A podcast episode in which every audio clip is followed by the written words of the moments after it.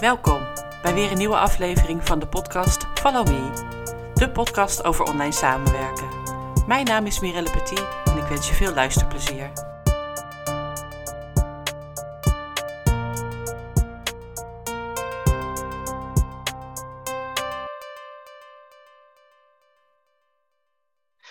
Welkom, lieve luisteraars, bij de podcast Follow Me, de Mimi-serie.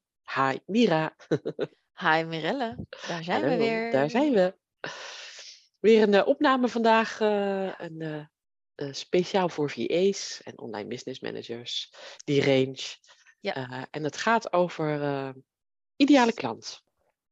Ja, laten we eens beginnen met de term ideale klant, die nogal rondgaat. Ja.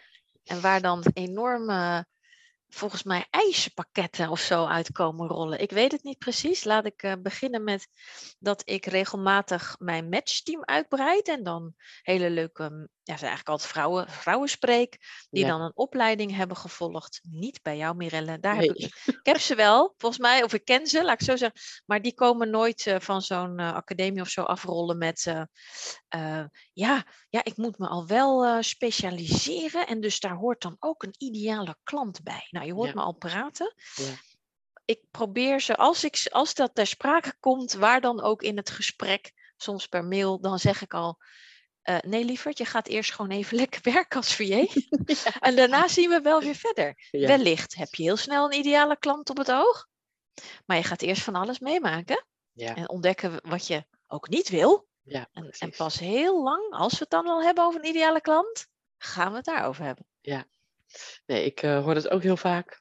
eh, lees het heel vaak op social media. Ja. En ik heb eigenlijk vanaf dag één dat ik met mijn opleiding ben begonnen, altijd gezegd: ehm, ideale klant, zet dat uit je hoofd. In, eh, in, in, op dit moment is jouw ideale klant een betalende klant.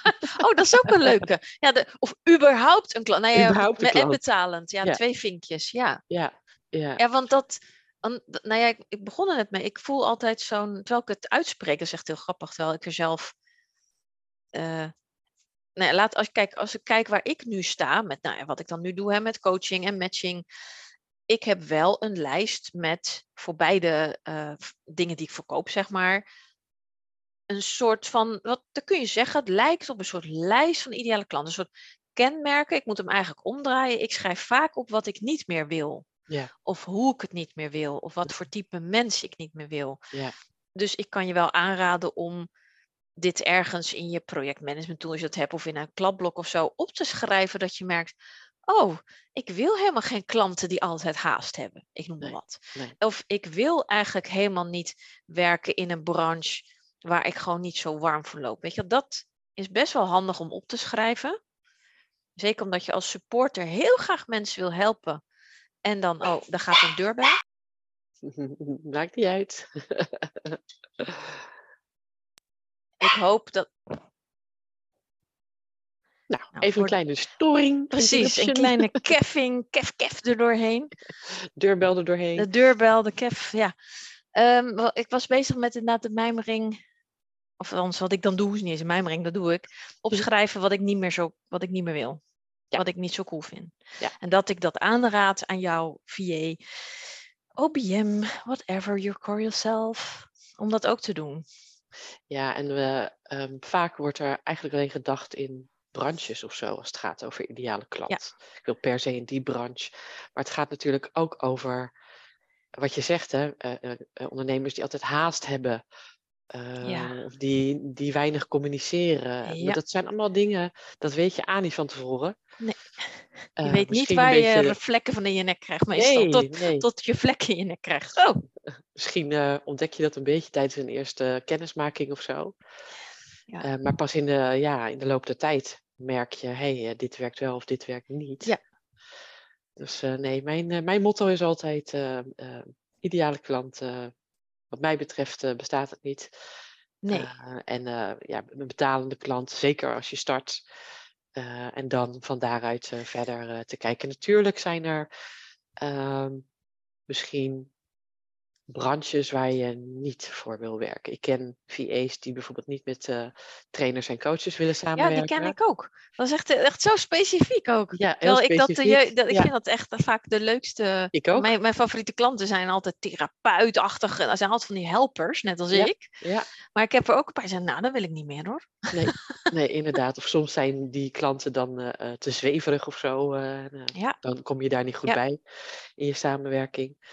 Eh, maar, eh, en dat is voor mij zeg maar het geval. Ik kom uit de opleidingenwereld. Daar heb ik eh, Ja. 21 jaar eh, een vaste baan in gehad. Eh, en daar lag mijn netwerk. Dus toen Ja. ik voor mezelf ging eh, starten. En ik aan iedereen aan het rondvertellen was eh, wat ik ging doen. Ja, werd dat. eh, dat ging zo, eh, Ja. zo door, zeg maar. De eerste kwam en eh, nou ja, mond op mond, mond tot mond. En eh, ja, en de meeste van mijn klanten, dat zijn inderdaad coaches en trainers, maar dat is niet per se mijn ideale klant. Hij is, ze zijn ideaal omdat ik, nou ja, heel weinig nodig heb om, Omdat je ze zo goed begrijpt, denk ik. precies, omdat ik Ja. weet wat er moet gebeuren Ja. en ze goed begrijp. Ja, in die zin hebben wij natuurlijk parallel. Ik ben ook, mijn eerste VA-klus was bij een opleiding, voor, die opleidde tot therapeuten. Met een team natuurlijk van therapeuten, die Ja. ook eh, leraar waren, zeg maar. En daar, daar heb ik, zo ben ik er enorm in, dat, in die hoek gerold. En ik kom zelf uit sociale hoek, sociale hulpverlening. Ja. En ik was natuurlijk zelf destijds ook HSP-coach. Dus ik snap ook wel, wel waarom dat soort mensen Ja, aantrekt. mij aantrekken. Maar ik ben er in de loop van de tijd, dat los van de, de branches, ik maak wel eens het grapje, nou, ik kan niet werken met iemand die bijvoorbeeld pistolen verkoopt of zo, als je dat al in Nederland en branches, weet ik helemaal niet. Of Ja, eigenlijk is mijn ding, als ik niet begrijp wat iemand verkoopt, CQ doet in deze wereld. ja. Of dat het als je ik- inderdaad tegen de borst stuit. Of dat het tegen, precies, als dat het me tegen de borst stuit. En nou ja, toevallig zit ik dan ook heel erg dus in die, in die, in die nu op dit moment, onders, nou ja, ondersteuning is het verkeerde woord, coach ik een ondernemer, eh is een Mhm. Die heeft eh, kledingzaken en een hoog segment moet je dan zeggen. En een wat minder hoog segment voor dames. En dat vind ik dus ook, dat is voor mij in die zin nieuw. Maar wat nu de, ik, ik- terwijl door dit gesprek ging ik natuurlijk even denken van wat maakt hem nou een leuke klant? Ja. Ehm, dus bij mij zit het ideale klant vaak veel meer in een soort karakterpakketje of zo. Het zijn vaak eh, aanpakkers, doorzetters. Ze staan open voor suggesties. En be- vaak is de suggestie, of je nou als VA, OBM of coach, eh, va- vaak is de suggestie, doe maar iets minder. Het, hoeft ook niet morgen. Nee. Mijn klanten zijn veelal van go, go, go. Terwijl ja, je hebt maar één lijf en eh, eh, één dag, en, eh, zeg maar, ter Ja. beschikking. Elke keer weer, één dag maar weer. En daar zit voor mij veel meer een soort van ideaal in. Dat ik. En er dus wel eens achter kom als je met iemand aan het werken bent, dat je denkt, oh, die luistert echt nooit naar wat ik suggereer. Of Ja. wat ik soms zelfs adviseer. En die gaan dan, die kenmerken van dat soort mensen gaan dan op mijn lijstje niet zo'n ideale klant. Ja. Want ik moet ook eerlijk zeggen, maar daar, daar moet je, nou, je moet helemaal niks, maar ik denk dat dat te maken heeft met ervaring. Dus ik ben benieuwd daar naar jou, Marille. Ehm, dat in een intake- of kennismakingsgesprek, hoe je het noemt, nou laat ik het andersom zeggen, als je een niet zo ideale klant hebt, op een gegeven moment, wat je ook met zo iemand samen doet, Mhm. en als je dan in alle eerlijkheid terugkijkt naar het eerste gesprek, of soms zelfs naar de eerste samenwerkingstijd of week, en een- dat doe je met je, deels je verstand, maar ook met je gevoel, dan Zeker. eigenlijk altijd, als ik voor mezelf spreek, was daar een, soms een vlag zo groot als die op mijn nieuwe huis staat, de voormalige watertoren in Tiel. Dat ik dacht, nou, hoe heb ik die over het hoofd kunnen zien? Ja. Vaak waren het subtielere, ja, ik noem dat altijd rode vlaggetjes. Mhm. Rode vlaggetjes die wapperden. Soms zo subtiel dat ik dacht van, goh, heb ik nou kriebel aan mijn neus? Of was dat, dat was dus waarschijnlijk mijn intuïtie die mij iets probeerde te vertellen. Ja. En ehm, ja, eigenlijk, en ik hoor van mijn klanten ook, als mijn klanten het hebben over eh, niet zo'n ideale klant. Laatst ook vertelde een, eh, iemand aan mij, die, had dan een, die heeft een groep met allemaal ondernemers. En er zit dan één ondernemer bij die eigenlijk elke keer tijdens de groepsessie is er drama. Ja. echt drama. Je, je hebt wel eens dat je even moet huilen en zo. Dat bedoel ik niet, maar echt drama. Dus het hele groepsproces wordt vaak gewoon helemaal omvergegooid, verstoord. En ze zei, eh, ik keek er al aan en ik zei, en hoe ging het gesprek? Ja, er was wel een klein vlagje eigenlijk in het gesprek. Maar ik dacht, dat, dat lossen we wel op. Of dat pakken we. Ja, dat is inderdaad. Uh, ik heb dezelfde ervaringen. Um, ja, daar was ik al bang voor, uh, zeker. nou ja, het is, het is ook wel logisch eigenlijk. En ik denk dat het voornaamste is ook echt naar dat onderbuikgevoel te gaan luisteren. Ja. En in het begin als ik naar mezelf kijk, dan was het vooral onzekerheid. Denk ik van, nou, stel je niet aan. Of, ja. Uh, oh ja, die wegpraten. Kans. Ja, geef, het een kans. kans. Ja, precies. die is uh, ook ik altijd vind de ondernemer zo leuk. Ik wil hem heel graag helpen. Uh, hij heeft hulp nodig. Ja. Um, kan het niet direct aan iemand anders vragen, weet je wel. Ja. Zo. Al die dingen ja. gaan dan door je hoofd. Um, maar als ik echt naar mijn onderbuikgevoel luister, dan had ik al eerder kunnen zeggen, willen zeggen. ik ga dit niet doen. Ja wil het niet meer. En jij zegt iets wat ik heel vaak uh, terughoor in mijn, uh, in mijn matchteam, maar ook zelf heb ervaren. Ja, maar laten we even. Hij is zo leuk. Ja. Hij is zo aardig. Ja. Hij uh, is zo attent, soms ook. Hey, soms heb je hele attente klanten. Ja. Gisteravond had ik een intervisie waarin we Dit. het hierover hadden. Ja. De, deden we een rondje met onze klanten en daar, ja, daar, daar zei ook één of twee dames van. Uh, eigenlijk, er komt gewoon te weinig werk uit. En ja. uh, mijn gesprekken worden telkens gecanceld, mijn bila's. Ja. Um, en het schiet gewoon niet op. Ja. Nou, maar wat, hij wat is zo leuk. Ja, wat zou je dan willen doen?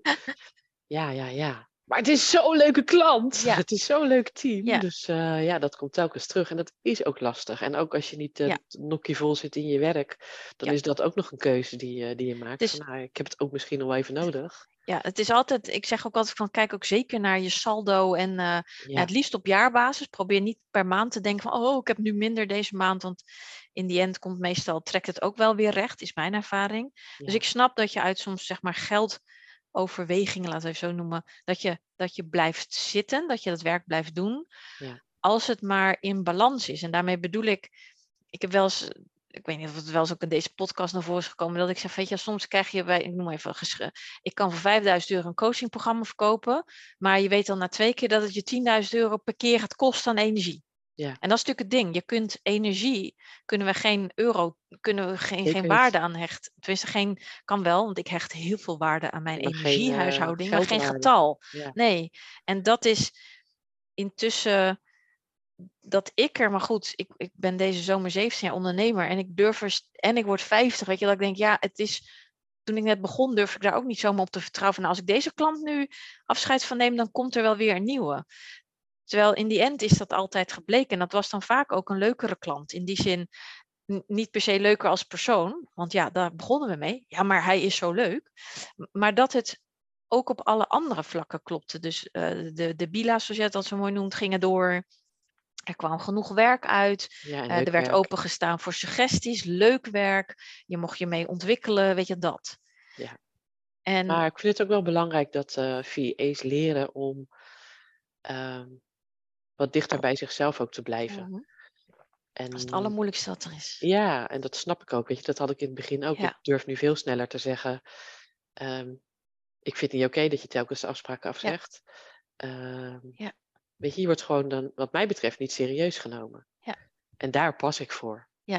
Ja, even, dat, is- of, je, of ze nemen jou misschien niet serieus. Ik vind het, wat, wat ik vaker meen te zien, is dat ze zichzelf niet zo serieus Ja, nemen. ja. En niet als slap excuus nu naar jou toe, maar meer dat daarin voor mij een soort dus ide- minder ideale klant zit. Als mensen uit wat voor reden dan ook hun eigen bedrijf niet zo serieus nemen. Of ze vinden het, ze blijven het spannend vinden om veranderingen door te voeren. Ja, daar, kan, daar, daar ga ik dus niet op aan. Daar, sterker nog, ik doof daar echt op uit. Ja. Want het, het mensen die komt. En nogmaals, het, je kunt ze niet kwalijk nemen. Weet je, als zij zit, zij hangen daaruit en ze blijven daar misschien nog hangen. Maar het is voor jou, VA, ouder, inderdaad, blijf. Ja, dat zeggen wij zo vaak. Blijf vertrouwen houden in jezelf. En dat, dat is ook een ding. VA's, veel mensen eerst, eerst denken ze dat het aan zichzelf ligt. Eh, nou, meestal niet. Ehm, maar blijf voelen wat, wat het doet met je energiehuishouding. Als je merkt dat als je dan toch zo'n bielen hebt en je denkt daarna, oh, oh helemaal kapot. Ja. Ja, dan kun je kijken wat mij betreft naar het factuurtje wat je uitstuurt. Want vaak is dat ook nog zo. Het zijn vaak ook nog factuurtjes. Ja, het zijn niet facturen. Nee, weinig uren. Het zijn mensen die vaak heel erg zitten op, nou ja, nee, ik doe dit toch maar weer zelf. Ja. Er zijn vaak meerdere kenmerken. Ja, ja dat Naast klopt. dat het zo'n leuk persoon is, is mijn ervaring dat het meerdere kleine dingetjes zijn die niet zo fijn zijn. Nee, en dus nee, niet- Het houdt je denk ik ook weg van het vinden of in contact komen met, Nou. eh, met, met betere of leukere Daar, gelo- daar geloof ik echt heel Ja. erg in. En niet zozeer, ik ben niet van de law of attraction of per se Nee? de universe. nee, Oh ja, jammer de hè. law of attraction, ja. De law of attraction, Ben je, ja. ben je daar niet van? Nee joh, hou op, schei uit. Er zijn een aantal dingen namelijk niet gebeurd in mijn leven, hoe hard ik heb aangetrokken. dus eh, laat maar zitten. Nee, maar het, ehm, eh, als je werkweek vol zit met nou ja, leuke minder leuke klanten, dan is het gewoon simpelweg zo dat je energie daar naartoe gaat. En dan heb je ook letterlijk geen ruimte om te denken over eventueel nieuwe klant. En zodra dan die ene minder leuke klant weg is. Dan, dan ten- meestal ga je dan diepe zucht van een diepe ademhaling. Ah, heerlijk. En vaak, ja, is mijn, en niet dus, dit is niet magisch denken, lieve mensen. Maar dan, dan komt er inderdaad, dan heb je weer ruimte voor een nieuw iemand op je pad. Ja, daar sta je Maar dan goed. open voor. eh, eh, Ja, zo, ja. in de weg. Ja, Daar staat precies niks meer in de weg. Niet in je agenda, niet in je hoofd, niet in je energiehuishouding. Nee. En vaak komt het dan, eh, komt er een leukere. ja, Met kenmerken die je dan weer kan noteren, die wel heel leuk zijn. Want zo en- kwamen we erop. Je hoeft er niet nu al meteen te weten, zeker niet als je net start. nee, ik wou net zeggen dat, dat net starten. ehm, Ja, Als je zo gaat focussen op de ideale klant, volgens mij is het één grote blokkade. ik geloof, ik geloof ook dat, dat het je het, het blokkade, het helpt je echt totaal niet verder. Je kunt hooguit, ik had nu bijvoorbeeld ben ik in een match eh, verwikkeld. Hoe zeg je dat? Ik zag in haar formulier dat ze schreef: ik wil, ehm, ik heb iets minder met mannelijke klanten. En daar had ze een uitleg bij, eh, want ze komt dan ook uit de ma- managementassistentenhoek, geloof ik. En daar heb ik dan, dat, als ik in, dat is dus voor haar een niet zo ideale klant op dit moment, de soort man. Nou, ik hou daar, als ze een team komt, ik wil daar wel rekening mee houden, wel tot een bepaalde hoogte natuurlijk. Ja. Maar het, ehm, dat kan ik me wel voorstellen, dat jij komt, hè, heel veel komen natuurlijk uit het bedrijfsleven, en dat je daar dacht, oh, die manager. Ga dat maar eens opschrijven. Die manager waarvan je dacht, oh nee, als je al binnenkwam, weet je wel, dat je de haren in je nek overeind. Daar zijn vast kenmerken die jou dus, daar is iets mee. Wat als je dat noteert en je komt in gesprek met een potentiële klant en er zijn een aantal van die kenmerken. Zo kun je het ook doen. Hè? Als je het lastiger vindt om even in te tunen op je, op je intuïtie. Ja, Ga maar gewoon kenmerken opschrijven die dan dus niet zo leuk zijn. nee, precies. Nee, en ik heb, zelf, eh, ik heb zelf ook ervaren. eh, in coronatijd vielen een aantal eh, klanten weg. Toen dacht ik, ik moet iets meer aan spreiding doen. ik was toevallig in de, in de branche te- van, de, van coaches en trainers terechtgekomen, wat ik net al vertelde. En toen dacht ik, nou, ik moet misschien wel iets meer aan spreiding gaan doen. Dat bij een volgende gebeurtenis als dat, eh, pandemie of iets dergelijks, eh, ik niet per se of niet, niet meteen hang, zeg maar. Of hang. Dus uiteindelijk Ja. helemaal goed Ja, gekomen. maar- blijkbaar waren jouw klanten allemaal de lul, zeg maar, met dokken. nou, even wel. Het was Ja. wel even zo, eh ho, alles on hold en we moeten alles ombouwen naar virtueel. Eh, en dat was natuurlijk niet in iedere branche eh, per se zo. Dus eh, daar heb ik toen wel over nagedacht. Wat wil ik er nou mee zeggen? Eh, ben je misschien, Oh, je, nou ja. je bent je kansen gaan spreiden, zeg maar? Of? Nou ja, ehm, ik denk juist dat het een goede ervaring is om ook andere, misschien niet in eerste instantie niet ideale klanten, eh, daarmee te gaan samenwerken. Dan gaat de wereld voor je open. Ik heb een Als tijdje nieuwe iemand dingen onder- leren. Ja, ik heb een tijdje iemand ondersteund die in, in de bloemenbranche eh, zat. Oh, ja. Very interesting. Ja, ja. Uiteindelijk mm, ehm, ging dat niet goed. Het was niet mijn ideale klant. Ja. Eh, qua communicatie en al dat soort dingen. En, en het werk ook wel. Ehm, maar ik vond het wel een, een goede ervaring. Ja, ik heb in het begin, toen eh, heb ik me twee keer verhuurd via zo'n, in het begin van mijn carrière als eh, dat heette dus niet VA, maar via zo'n bureau, dat heet Espas volgens mij in Rotterdam. Die zetten dan ook freelancers weg. Mhm. En toen heb ik ehm, een tijd gewerkt bij eh Smit, Smit Tak heette dat toen ook al net niet meer, geloof Oh, ik. ja. Dus echt tussen de, eh, de, de, de, de olieboorplatformen afbreken en de veiligheid op schepen en de hele reutemeteut. Nou, daar heb ik ontdekt dat ik dat echt, echt heel erg leuk vind. Als nu alles omvalt, dan ren ik naar mijn beste vriend die ik daar aan over heb gehouden. Die zich nu met miljoenen projecten in Taiwan bezighoudt met dit soort... eh, Ja. Details kan ik dus niet geven, want ik hang alleen maar aan zijn lippen. En ik denk, ja, er is iets met een heel groot ding, een miljoenen project. Maar dan, eh, dan, dan echt de eerste die ik bel is Edward. Dan zeg ik, ik wil jou nu, nu wil ik eindelijk jouw projectassistent worden. Gewoon, go. Ja. Want dat, daar, daar, en ik heb eh, bij Ernst Jong gezeten, Ja. bij de Raad van Bestuur. En daar heb ik ontdekt dat dat dus absoluut niet mijn wereld is. Nee, Want dat is, eh, too corporate. daar kan ik nog geloof ik wel mee leven. Want je tatoeages kan je bedekken, want daar vonden ze natuurlijk wat van. Ja, natuurlijk. Ehm, nee, ik vond de, wat ze verkopen, wat ze doen. eh, ja, tot op de dag van vandaag denk ik eh, voor, voor gebakken lucht. Het is echt gebakken lucht. En als ik ergens niet tegen kan, is als mensen gebakken lucht verkopen. Ja. En dat was daar. Ik moet me wel heel erg kunnen committe- voelen dat ik ook mijn steentje bijdraag of zo. Ja. En dat kon op, in die schepenachtige shizzle. Was ik maar ook maar een heel klein radartje. Maar ik wist door wat ik voor ze deed, dat die projectmanagers eh, rustig konden slapen, bewijs van. Waardoor ik weer zeker wist, nou, dat olieboerplatform dat wordt eh, keurig afgebroken. Bewijzen van spreken. hè? Nu maak ik mijn rol heel groot, maar ik wil voelen dat mijn rol zin heeft. En dat is voor iedereen wisselend, maar ik vermoed dat voor veel VA's of eh, degene die luisteren, is dat ook zo. Je wil van betekenis zijn. ja, dat denk ik ook. Dat is in ieder geval wel ook wat ik met mijn matchclub ervaar. Ja, dat heb ik ook met mijn matchclub. Ja. Ja, Ja. Je wil Ja. iets doen wat.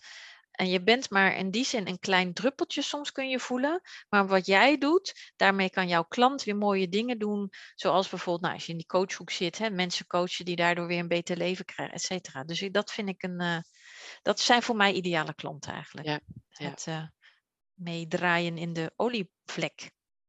ja dus eh, volgens mij is onze boodschap. Ga niet op zoek. Ga niet op zoek naar ideale klant. Eh, daar kom je vanzelf eh, achter. Kom je vanzelf achter, Wordt schrijf desnoods eh, je rode vlekken wel op. Ja. En inderdaad, doe af en toe eens iets heel. Doe, pak af en toe eens een heel ander soortige opdracht, klant. Ja, Ik haat het woord opdracht, maar klant aan. Dat je denkt. Nou, dan zit ik nu op dit moment he- heel grappig met de winkel. Eh, De winkelman, zeg maar. De, de Mhm. shop-eigenaar. Ja, geen idee. Maar ik, ja, tot dusver bevalt het me prima. Want wat hij doet is de wereld in die zin mooier maken. Ja, het is wel uiterlijk vers- vertoning. Maar ik denk, mm, nou ja, zo. Dus Ja. eh, wij zijn benieuwd naar jouw ideale klant. Nee, ga vooral niet eh, als je start eh, op zoek Nee. daarnaar. eh, nee, eh, ga, ga gesprekken aan met een ieder in je netwerk Ja. die ervoor open staat. Precies. En eh, voel vooral. En dat... dat komt vanzelf en voel vooral, ja. klinkt, dat, dat klinkt dan weer zweverig, dat zei Ja, jij niet. Nee, maar, dat, maar nee, dat nee want dat, is echt juist- zo belangrijk. juist dat voelen is juist helemaal niet zweverig. Maar, eh, ja. En eh, zullen we het de volgende keer hebben over waar we in het voorgesprek even bij stilstonden? eh, over wat doe je als, eh, als iemand, eh, wat doe je met zo'n nummer in je telefoonscherm? Dus iemand heeft je gebeld en wat doe je dan? Dat klinkt echt alsof het een hele, dat klinkt bijna als een hele onzinnige vraag nu. Ja, we Maar hadden, om- voor, voordat we op eh, de opname klikten, hadden Mira en ik het over, bel jij altijd terug als je gebeld wordt? Ja. En dat, kan, dat kunnen verschillende soorten telefoontjes zijn natuurlijk. Ja. Dus om even de context aan te geven. Dank je voor de context. En dat vind ik persoonlijk een heel interessant onderwerp, omdat ik daar een bepaalde mening en visie over heb. En volgens mij wijkt die een beetje af die van Ja, jou, Mirelle. Klopt. Dus dat is het dan weer, ja, voor mij food for thought en eh, food for discussion. Dus eh, ook. volgende keer gaan we het daarover hebben. Yes. Dank weer. Ja, jij ook. En eh, nou, tot snel. Tot snel. Doei. Doeg. Dit was weer een aflevering van de podcast Follow Me. Ik hoop dat je er iets aan hebt gehad. Je kunt mij volgen onder mijn naam Mirelle Petit of onder Wellness Office Academy. Tot de volgende keer.